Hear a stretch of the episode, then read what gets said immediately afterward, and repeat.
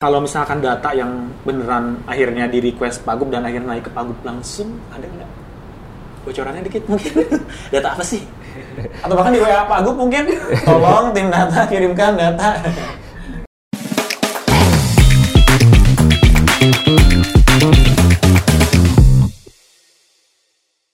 Halo Sobat JDS, balik lagi di Digitalks musim tayang ketiga episode 8 bareng aku Febri.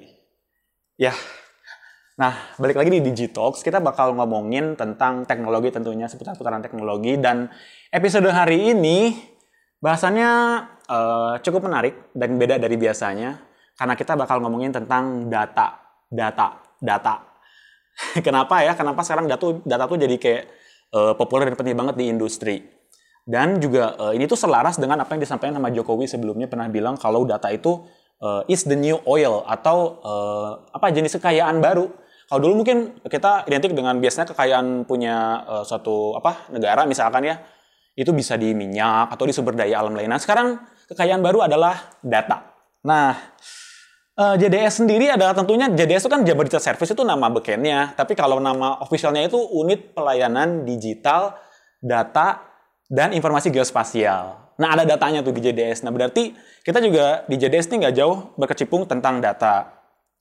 Nah, eh, JDS ini punya fungsi sebagai uh, apa ya, punya misi kita tuh buat bantu supaya efisiensi dari sebuah kebijakan melalui tadi itu salah satunya adalah dengan uh, data itu sendiri gitu sebagai uh, apa pengambilan kebijakan yang uh, berbasis data itu sendiri. Nah, terus data itu tidak cukup hanya data saja karena data kalau misalkan ada data terus diapain itu kan nggak bisa jadi apa-apa nggak akan jadi sebuah kebijakan atau nggak akan jadi sebuah uh, apa keputusan gitu nah makanya dibutuhin talenta-talenta dan juga sebuah sistem tentunya yang bikin uh, kebijakan itu akhirnya bisa keluar Siapa sih talenta-talenta di JDS itu yang ngomonginnya tentang data? Kebetulan di Digitox ini sekarang udah hadir dari tim data, ada dua orang narasumber yang tentu saja kompeten di bidangnya. Yang pertama ada Teknis Rina.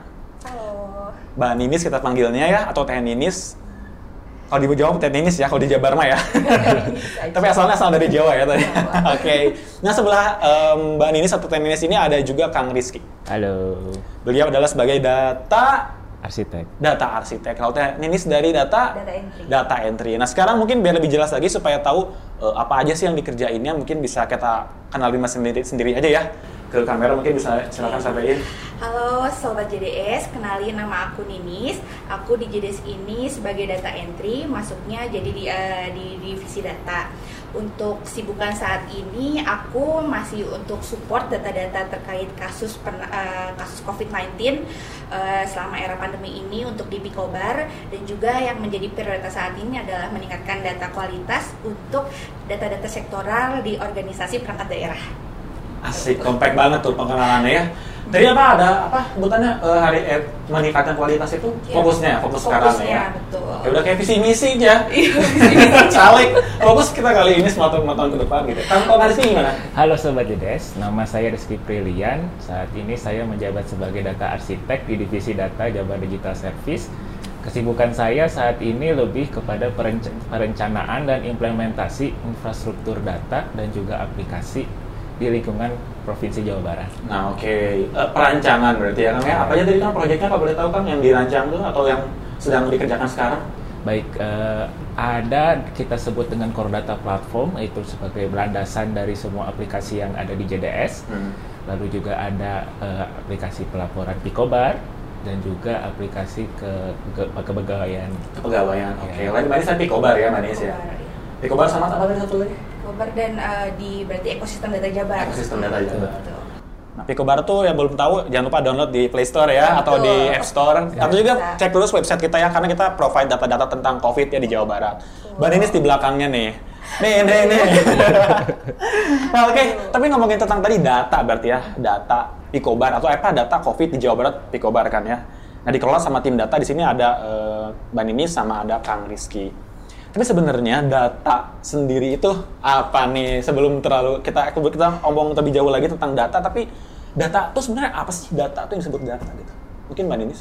Oke, kalau secara uh, standarnya nih, data itu adalah kumpulan dari uh, berbagai fakta ya, Feb ya. Oke. gitu. Jadi uh, dan jadi hal yang memang fakta itu bisa disebut data, tapi berarti kalau gosip nggak bisa ya, Feb, Oh, ya. gitu. Gosip itu bukan data ya. Oke, oke. Oke, terus jadi untuk di data itu sendiri juga untuk uh, kategorinya itu ada data agregat, ada data Oke. master gitu dan juga ada data transaksional. Mungkin secara generalnya. gitu. Oke, data tadi eh, fakta gitu ya. Fakta yang tertulis mungkin atau Ya, yang betul yang tertulis terdokumentasikan yang gitu ya. betul. Karena buat kepentingan diolah gitu. Nah, tadi tentang data aja, tapi juga ada sebutannya big data juga ya. Nah, big data berarti fakta yang besar atau fakta yang banyak atau apa tuh? Oh, Kang Rizky mungkin ya, Kang Rizky lebih. Kalau big data sendiri adalah sebenarnya kumpulan data yang jumlahnya besar dan volumenya cepat. Oh, oke ada volume cepat ya. Ada dari berbagai domain domain data gitu, dasar Oh. sumber datanya. Oke, gimana tuh maksudnya ada main data? Ada Eh, sumber. konteksnya ya, kita Oh. berbicara tentang konteksnya gitu. Jadi eh, tadi misalkan data itu lebih ke informasi eh, apa fakta-fakta aja yang terkumpul, apa yang tertulis, terdokumentasikan. Tapi kalau big data itu tadi lebih banyak dan besar dan jadi volumenya lebih cepat. Lebih cepat. Oke, nah eh, sebetulnya eh, data yang ada juga tadi kan misalkan data big data aja pasti banyak tuh datanya tadi. Kira-kira eh, ada nggak sih datanya itu eh, kriteria-kriterianya yang dalam sebuah big data itu disebut data yang berkualitas misalkan gitu? Karena mungkin informasi banyak ya apa fakta tuh banyak kan, ada tertulis semua gitu. Tapi juga ada nggak sih sebenarnya kriteria-kriteria dari tentang data kualitas data itu seperti apa gitu? Silakan dari dari Kang Rizky atau Baik, untuk yang kualitas data itu kan kita berbicara tentang value ya. Oke. Di value data itu eh, kita bisa melihat dari kebermanfaatan datanya sendiri dikurangi dengan eh, biaya. Nah, biaya ini bisa berupa eh, uang ataupun waktu. Nah, gimana caranya kita eh, meningkatkan manfaat datanya ini supaya si pengguna data ini bisa mengolah datanya dan menjadi sebuah insight yang bermanfaat gitu dan dapat dijadikan sebuah kebijakan yang lebih tepat. Berarti lebih kualitasnya juga pengguna itu tadi ya. Ketika Ya. emang datanya bisa dipakai sama penggunanya, Ya, itu baru berkualitas gitu ya. ya betul. Oke, jadi data yang berkualitas juga tadi orientasinya jadi ke penggunanya juga bisa lebih cepat apa dapatnya ya. Nah terus kalau misalkan ciri-cirinya gitu secara spesifik datanya itu harus kayak gimana gitu ada nggak sih? Kayak data yang berkualitas itu harus kayak gimana? Oke, eh, kalau data eh, ngomongin data kualitas, berarti kan ada variabel yang memang eh, dinilai ya Feb ya dari data-data itu sendiri gitu. Nah, yang saat ini berjalan di kita ini, misalnya kita mengukur untuk completeness kayak gitu, Oke. untuk keterisian data itu eh, seberapa komplit, terus untuk eh, secara waktu itu ada timeliness gitu. Jadi apakah data-data eh, terdahulu itu masih diproduksi sampai data terbaru Sekarang, saat iya, ini iya. kayak gitu terus mungkin ada validity kayak gitu terus ada uniqueness gitu jadi memang ada eh, variabel-variabel Variabel. yang dihitung Eh tadi apa? Eh, ada completeness. Completeness berarti lebih ke apa? Kom komplit ya keterisian datanya gitu datanya. berarti keterisian datanya semakin eh, datanya itu banyak terisi berarti semakin bagus nilainya Berarti gitu. komplit datanya Iya, gitu kali ya. Oke. datanya. Terus tadi ada Gitu. eh, konsistensi ya. Konsis- eh, kalau konsistensi itu lebih ke eh, kalau kita pakai contoh aja ya Hmm. misalnya eh, misalnya nama nama kita nih gitu Eh, nama kita di eh, aplikasi A itu eh, nama lengkap gitu Nisrina Dahratul IC tapi ternyata di aplikasi B dengan orang yang sama itu disingkat Nisrina R titik A kayak gitu jadi itu eh, harus adanya konsistensi Konsis. gitu eh, jadi walaupun Kalau mau titik tadi titiknya dia terus gitu-gitu. Hmm. Oh, Oke. Tadi selanjutnya udah tadi konsistensi, Mm, apa tadi kompetensi, konsistensi. Oh time time timeliness kayak gitu. Timeliness. Mm, Itu jadi eh, data-data yang memang terdahulu diproduksi gitu, eh, memang kalau eh, itu masih diproduksi, berarti kan harusnya datanya ada ya dan terupdate gitu. Misalnya sekarang udah tahun 2021, berarti harusnya data terbaru tahun tahun 2020 itu udah ada kayak gitu. Jadi terus setiap tahun tuh ada, jangan sampai oh Ada tahun bolong. ini ada yang bolong kayak Oh gitu. gitu. Jadi sebenarnya eh, kalau misalkan tadi emang ada yang bolong, emang bakal jadi kenapa sih sebetulnya jadi nggak akurat atau? Iya, kalau misalnya dilakukan analisis lebih lanjut atau Oh, sampai. Oh misalnya kepentingan sampai ke analisis tadi ya. betul gitu. Apalagi misalnya kalau untuk di Jabar sendiri mungkin dibuat jadi Iya. kebijakan ya, misalnya satu tahun kosong aja itu juga berpengaruh loh. betul, kayak betul, gitu. betul, betul. Oke. Ya juga tadi ngomong tentang Jabar juga Kang sebenarnya pernah bilang sih kayak good data, good decision. Berarti maksudnya kalau datanya baik dan berkualitas kayak tadi mungkinnya yang eh, apa konsis- konsisten dan timeless itu segala macam eh, bisa jadi good decision yang baik gitu. Nah sebetulnya apa sih yang dikerjain tim data untuk bantu Kang Emil tadi untuk bikin good data, good decision itu sendiri? yang dilakukan sama tim data itu uh, apa aja data-data yang diolah saat ini mungkin dari Kang Rizky atau uh, Tenenis juga kalau uh, kita kan data itu salah satu tujuan data quality itu untuk memproduksi data yang dapat dipertanggungjawabkan juga jadi uh, semakin akurat datanya uh, dan kebijakan yang dihasilkan juga dapat dipertanggungjawabkan juga hasil akhirnya seperti okay. itu nah uh, penentuan data quality ini salah satu bagian dari proses alur uh, proses alur pengolahan data ya dari dari dari hulu ke hilir.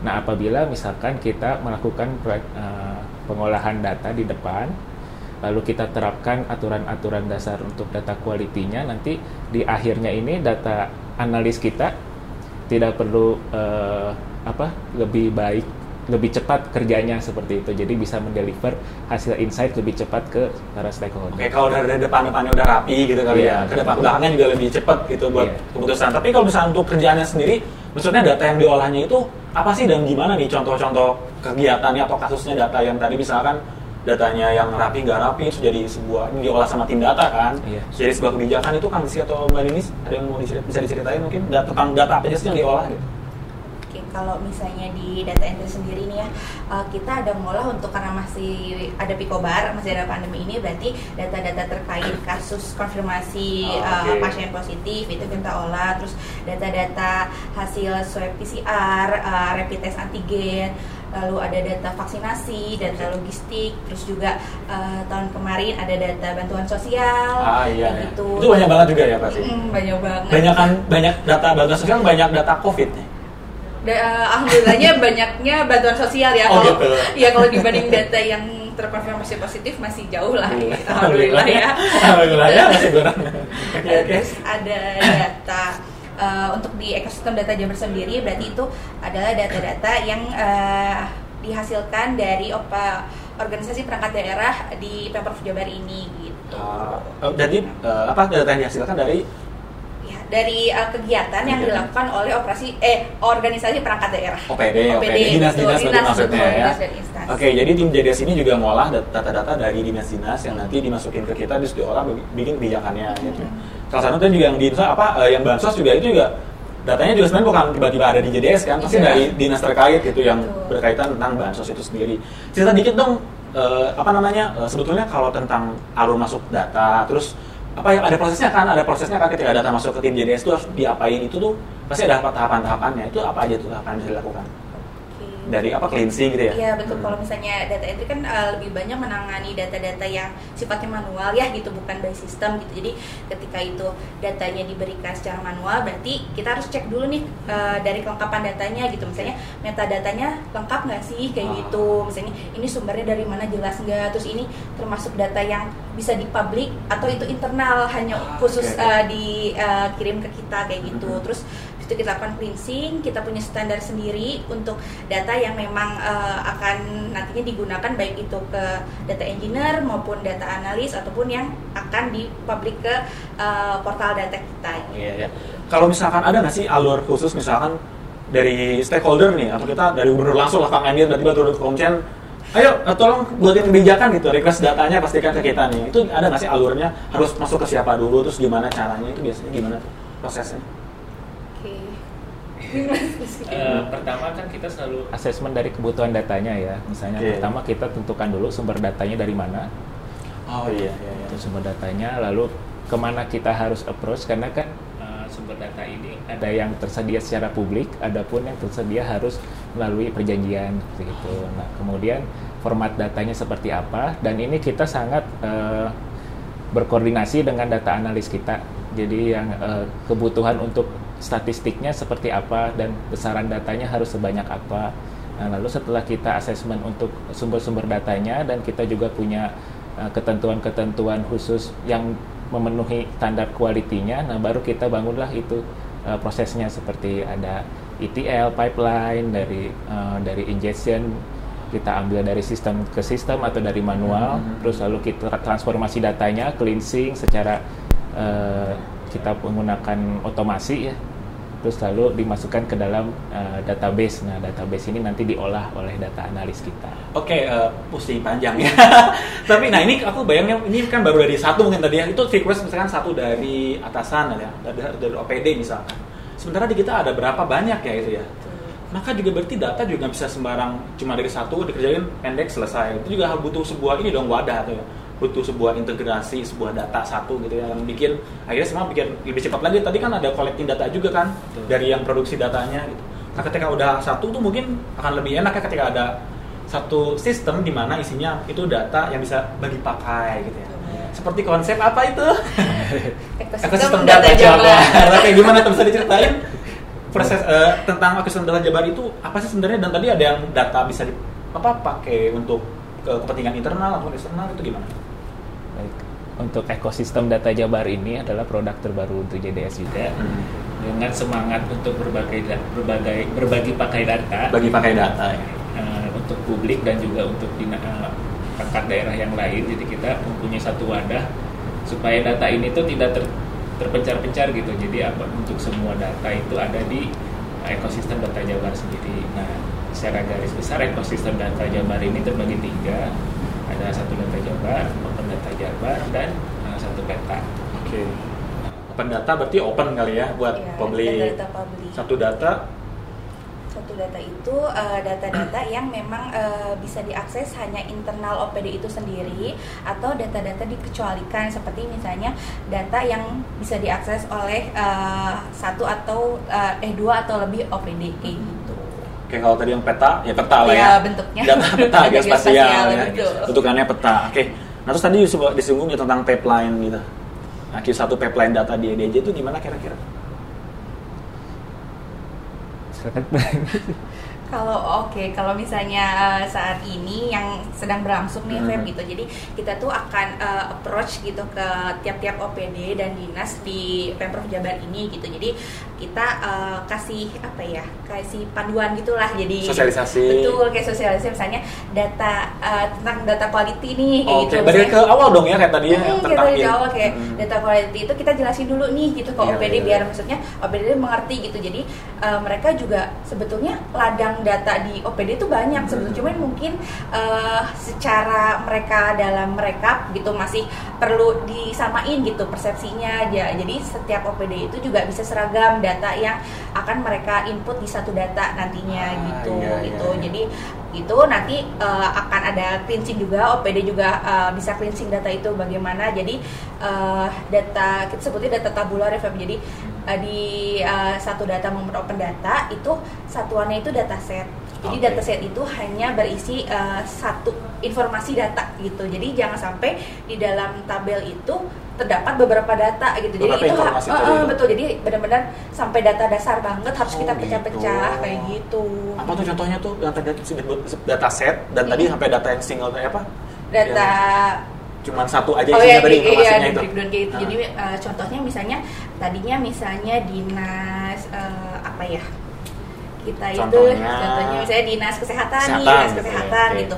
dia ngasih data uh, uh, daftar eh uh, jumlah fasilitas kesehatan di Jawa Barat okay. berdasarkan kabupaten kota gitu. Tapi kan uh, untuk fasilitas kesehatan ini ada di breakdown lagi ya, Feb, okay. ya gitu. Ada jenisnya juga. Betul, ada jenis ya. kategori, lah ibaratnya iya, gitu. Iya, iya. Uh, jadi ternyata ada yang rumah sakit umum hmm. itu kan ada uh, apa macam-macamnya ya, ada, ada juga, betul ya. uh, ada rumah sakit khusus terus ada puskesmas itu kan nggak bisa digabungkan oh. datanya jadi benar-benar harus dipisah harus harus spesifik itu betul, data yang uh, karena itu untuk kebutuhan analisis nantinya apalagi di internal kita misalnya untuk data analis untuk memudahkan lebih baik data itu di breakdown berdasarkan uh, okay, memang okay. satu data set kayak gitu Oke, kalau tadi uh, dan tadi misalkan uh, ada juga tujuan tadi mau menya, apa standarisasi data ya akan ada akan ada bukan pelatihan tadi sosialisasi ke setiap setiap uh, dinas-dinas.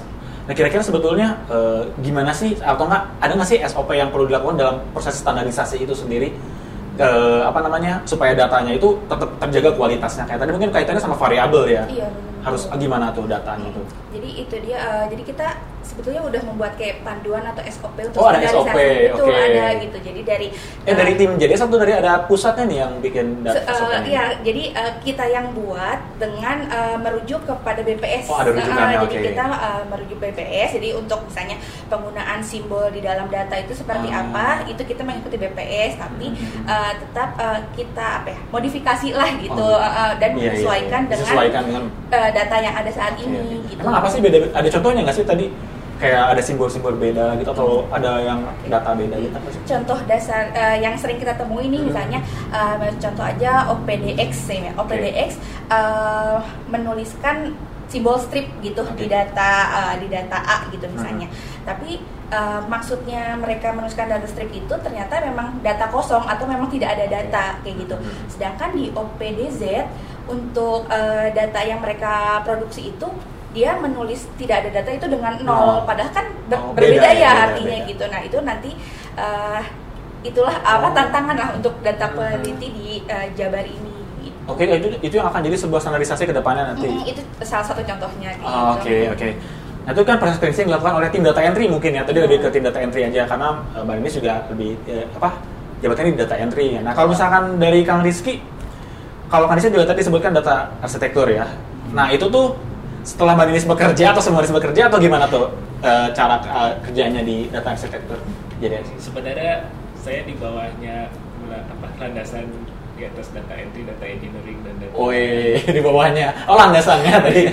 Oke, gimana jadi, tuh? eh, jadi rancangan alur terus sudah gitu tadi kan eh, sudah ditetapkan aturan-aturan SOP-nya ya. Hmm. Nah, nanti bagaimana caranya itu supaya bisa jadi diotomasi. Nah, sehingga proses pengukuran data quality ini tuh kita bisa iterasi terus gitu, berulang-ulang dan jadi untuk data bahkan ada data baru lagi nih nanti nih akan masuk. Nah, itu tuh nggak harus diulang lagi prosesnya dari awal, Oh. tapi udah otomatis Berarti by system maksudnya? ya? by system. Nah, nanti bisa di-generate langsung eh, dokumennya nih, dokumen yang berisi tentang hasil pengukurannya, lalu rekomendasi apa aja saja yang bisa di-improve di produsen data itu di, di OPD-nya sendiri. Jadi kita bisa memberikan rekomendasi supaya diperbaiki selanjutnya supaya lebih baik. Mm-mm. Nah terus juga eh, ada tadi kan perancangan tadi kan kalau nggak Rizky ya. Kira-kira ada nggak sih yang eh, sebutan dari misalkan dari dan data big data khususnya gitu karena kan datanya banyak tuh. Iya. Nah ada sebuah konstruksi tentunya yang dilakukan ya agar datanya juga bisa rapi lah terus bisa bisa dipakai bagi pakai itu sendiri. Nah kira-kira gimana tuh tentang konstruksi data atau apa ya sebutannya konstruksi database gitu? Arsitektur arsitektur data. Arsitektur data. Iya. Jadi eh, di JDS ini kan banyak banget ya cakupannya ya dan OPD yang kita dampingi pun ada banyak. Dan juga eh, kita kan sebenarnya lebih ke data penduduk yang ada penduduk Jawa Barat sendiri ada 50 juta lebih ya. 50 50 juta data minimal ya. minimal 50 juta data. Ya yang berhubungan dengan Yang orang. hubungan ya. dengan orang yang belum benar belum dikalikan dengan variabel lainnya oke Nah itu jadi eh, kita bagaimana caranya membagi data-data tersebut berdasarkan domainnya masing-masing nih. Eh, jadi sebelum kita berbicara tentang teknis eh, di servernya dan lain-lain gitu ya, kita mau bagi-bagi menjadi domainnya masing-masing. Lalu di situ juga ada timnya sendiri itu ada yang mem- membuat pipeline, ada yang mengukur data quality dan ada yang menjadi analis. Nah setiap domainnya ini tuh satu tim ini punya SLA-nya masing-masing juga apa punya eh, SLA ya di istilahnya. Jadi kayak misalkan data ini dibutuhkan per minggu. Nah, berarti setiap minggu tuh data itu harus ada, harus ada Hmm. yang menjaga oke, gitu. Jadi bisa dipertanggungjawabkan dan juga bisa diaudit. Mm-mm. Nah ya terus eh, kira-kira dari tadi eh, perancangan sebagian juga ke inputnya bahkan ke udah proses pengerjaannya kan kalau di Indonesia itu apa sih tantangannya yang jadi kadang-kadang apa ya mungkin eh, kerasanya tuh kayaknya berat banget nih kerjaannya gara-gara misalkan yang pasti data berantakan ya kalau misalkan dia nggak rapi ya dan nggak konsisten gitu. Kira-kira gimana tuh saya ceritain apa aja yang pernah kejadian nyata ya pengalaman nyata, Nyata. ya? Curhat aja ya. Rizky juga ya. Dari Rizky dulu mungkin yang paling banyak. Oke, ya karena ibaratnya kalau di divisi data itu bisa dibilang data entry sebagai garda terdepan menerima data Iya, ya benar. gitu. Jadi kita tuh filtering lah data-data ibaratnya kotor gitu, yang Oke. formatnya macem-macem, yang kadang eh, data ini ada data hilang-hilangan, terus mereka juga ngirimnya kadang ada yang masuk uh, langsung ke drive atau sistem atau bahkan kirim di WA itu pun masih ada. Datanya Kayak gitu. Dong ya? Iya, Wah. Bayangin ada Ada- datanya banyak harus kita manualin. Nah, bayangkan kayak gitu betul. Gitu. Padahal kabelnya tapi gambar. Iya gambar. Jadi aduh gimana mau di convert juga susah. Iya, benar, benar, gitu. Ya, jadi eh, ya data-data pe- eh, penyerag- penyeragaman format lah eh, itu yang paling utamanya yang ibaratnya termasuk yang eh, berat kita lakuin kayak gitu. Nah dari udah penyeragaman format itu juga balik lagi eh, untuk kayak metadata metadata data itu kan eh, metadata adalah keterangan dari data itu sendiri gitu. Jadi nggak serta merta kita eh, nerima data oh ya udah langsung kita input kita olah kayak gitu enggak tapi kan kita harus tahu sumbernya dari mana Iya, iya. apakah yang ngasih ini pihak Bisa pertama ya. pihak kedua atau gimana Heeh, terus misalnya dia bilang oh ini datanya publik gitu ini yakin data publik kita juga harus bisa analisis gitu analisis sederhana lah ibaratnya Oke, oke, jadi oke. jangan sampai mereka ngomong publik entah mungkin yang si pemberi datanya ada kesalahan ternyata itu tuh data internal Iya, gitu iya, nanti kan iya. yang kena kita kita Iya, juga betul, betul, kayak betul, gitu betul, betul. terus ya udah terus eh, itu sih tantangannya kurang lebih kalau untuk di manual Oke, kalau dari Kang Rizky mungkin? Jadi mungkin secara umum ya kalau di, di divisi data sendiri hampir 70% pekerjaannya itu adalah cleansing data gitu. Oh. Jadi sebelum kita berbicara tentang uh, machine learning, AI, analisis itu harus bersihin Oh, datanya dulu iya, 70% iya, iya, udah iya. sendiri gitu.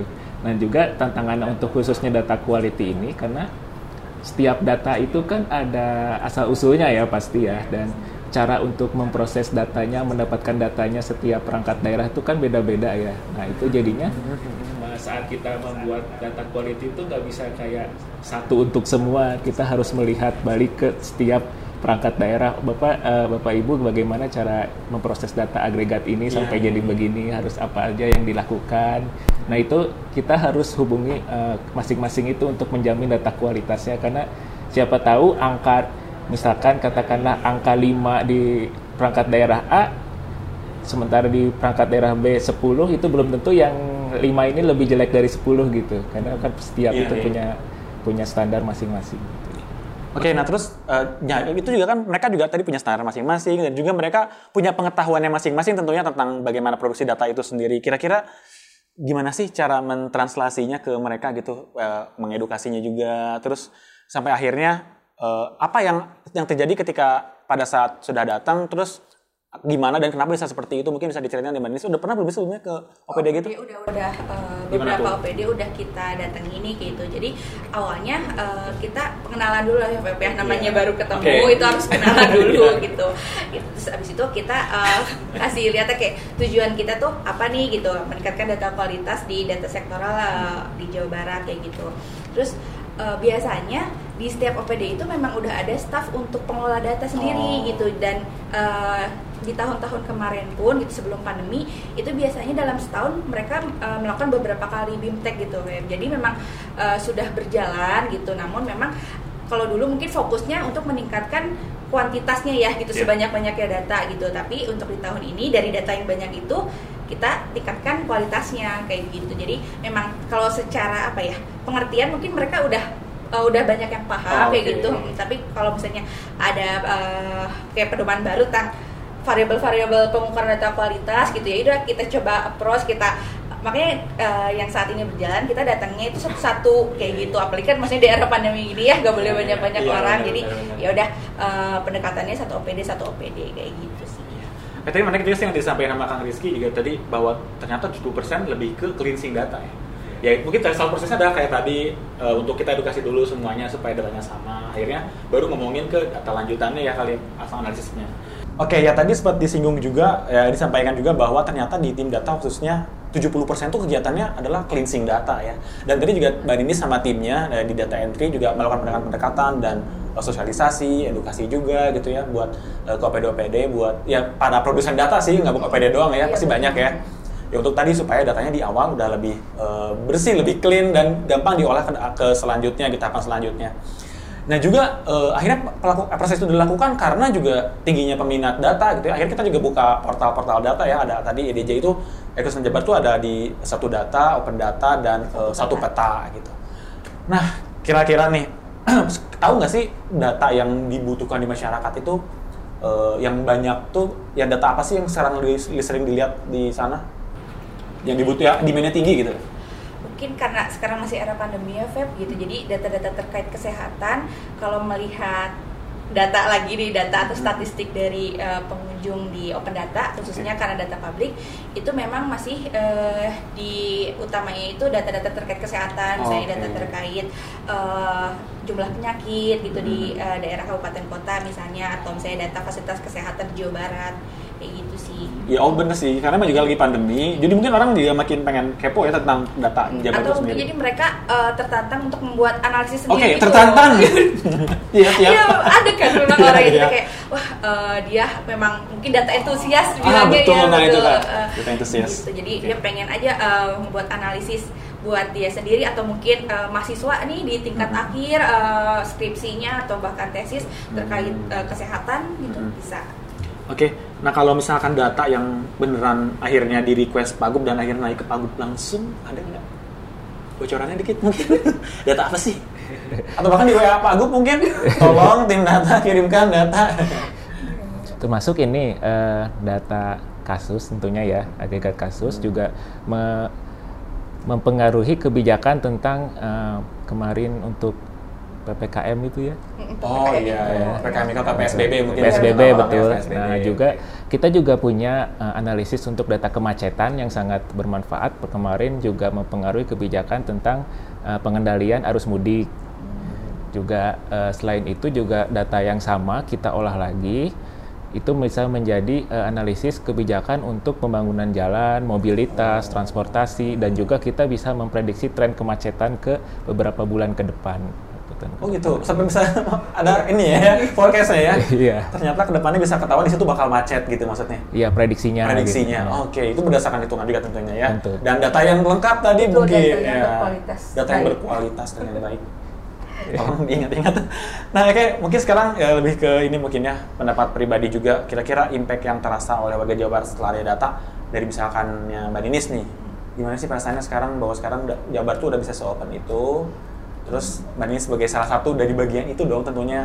Gimana rasanya bangga tuh tentunya dong? bangga bangga banget Bangga jadi banget. ibaratnya kayak apa ya moto Jabar kan Jabar juara ya ibaratnya bener-bener apalagi kita mensupport data-data terka, eh, terkait segala kegiatan di Jawa Barat ini gitu misalnya eh, sesimpel eh, data agregat eh, kasus konfirmasi COVID Hmm. itu juga bisa eh, kalau teman-teman eh, sobat JDS bisa download itu bisa agregatnya aja Oke. gitu terus apalagi untuk di data di open data yang memang data publik itu ternyata uh, maksudnya kebayang nggak kalau misalnya dulu nih kita waktu ngerjain skripsi nih Feb, gitu kita butuh data dulu kan bingung ya Iya, iya. kita nyari di mana ya Google aja? Iya, Google tapi ini sumber data Bener percaya nggak? nggak Iya, ya betul, nanti dosennya bisa nerima nggak ya ini Iya. sumber data kayak gitu kan kan benar, kalau dari Google kan nggak bisa kan gitu langsung dipertanggungjawabkan gitu nah sekarang tuh uh, mungkin teman-teman yang mahasiswa baik di Jabar atau di luar Jabar tuh Yang butuh data yang Jabar. butuh data uh, terkait Jabar itu bisa uh, mereka cari di open data ataupun misalnya kalau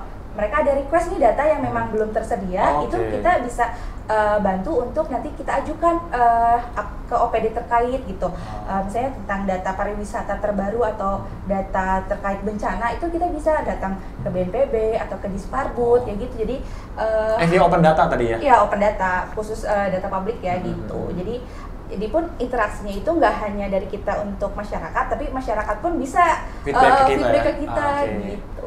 Gimana kalau Rizky kesan-kesannya? Ya. Ada di balik layar sebuah ini baru ya, hmm, apa ya, revolusi baru asik. Ya sih eh, paling kerasa tuh karena eh, data tuh kan baru bisa kita oh ternyata datanya begitu gitu. Itu setelah datanya sudah ada kan gitu. Sementara di belakang prosesnya tuh panjang banget gitu. Nah, itu juga sih eh, salah satu yang eh, bikin jadi ber- eh, bangga gitu ya. Selain itu juga ada lagi kayak untuk beberapa informasi-informasi di publik, di arus informasi di masyarakat tuh kan banyak hal-hal yang klaim-klaim ya. Ada yang Hmm. ada yang fakta, ada yang hoax juga. Nah, salah satunya pernah kayak ada sebuah klaim sesuatu terus akhirnya saya bisa bilang eh, Itu salah bener salah ya? itu datanya lihat saja di itu di, di, di ekosistem data Jabar. Oke, tertarik gabung sama tim data? Supaya bisa kayak Mbak Dinis atau eh, Mas eh, Rizky itu silakan gabung. Eh enggak ding. Silakan eh, coba cek dulu di halaman eh, karir Jabar Digital Service karena kebetulan data entry Data lagi buka ya. buka, iya, ya betul. Mbak Banis lagi cari partner nih buat teman-teman sobat JDS yang tertarik eh, punya passionnya sama kayak kayak Mbak Ninit eh Mbak Ninit lagi Mbak Ninis itu bisa langsung cek aja portal eh, JDS terus lihat lihat di karirnya daftar sebagai data entry gitu. Ya ternyata waktunya sudah lumayan panjang. Obrolan kita sangat menarik terima kasih banyak eh, Kang Rizky sama Mbak Ninis atas waktunya. Obrolan kita semoga bermanfaat bagi sobat JDS semua yang mendengarkan ataupun yang nonton di YouTube gitu ya. Jangan lupa juga terus eh, pantengin sosial media kita di Instagram, YouTube, dan eh, sosial media lain lah pokoknya. Sampai jumpa di episode selanjutnya. Sampai jumpa. Dadah! Dadah.